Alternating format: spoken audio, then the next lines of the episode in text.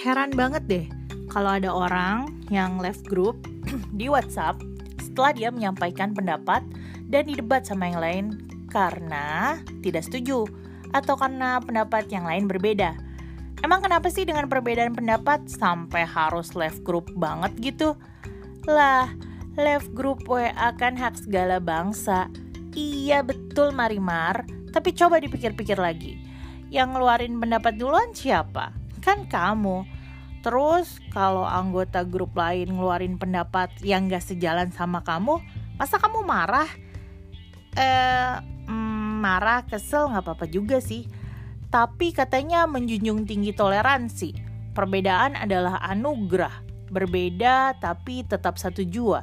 Tapi kok ngambek? Di, apalagi kalau itu grup kerjaan. Kan emang tempatnya untuk diskusi. Masa marah terus left terus pengen dijapri gitu pengen ditanya kamu kenapa? Kamu gak apa-apa kan? Udah jangan diambil ke hati. Duh kamu malesin ah yang profesional dong jangan norak.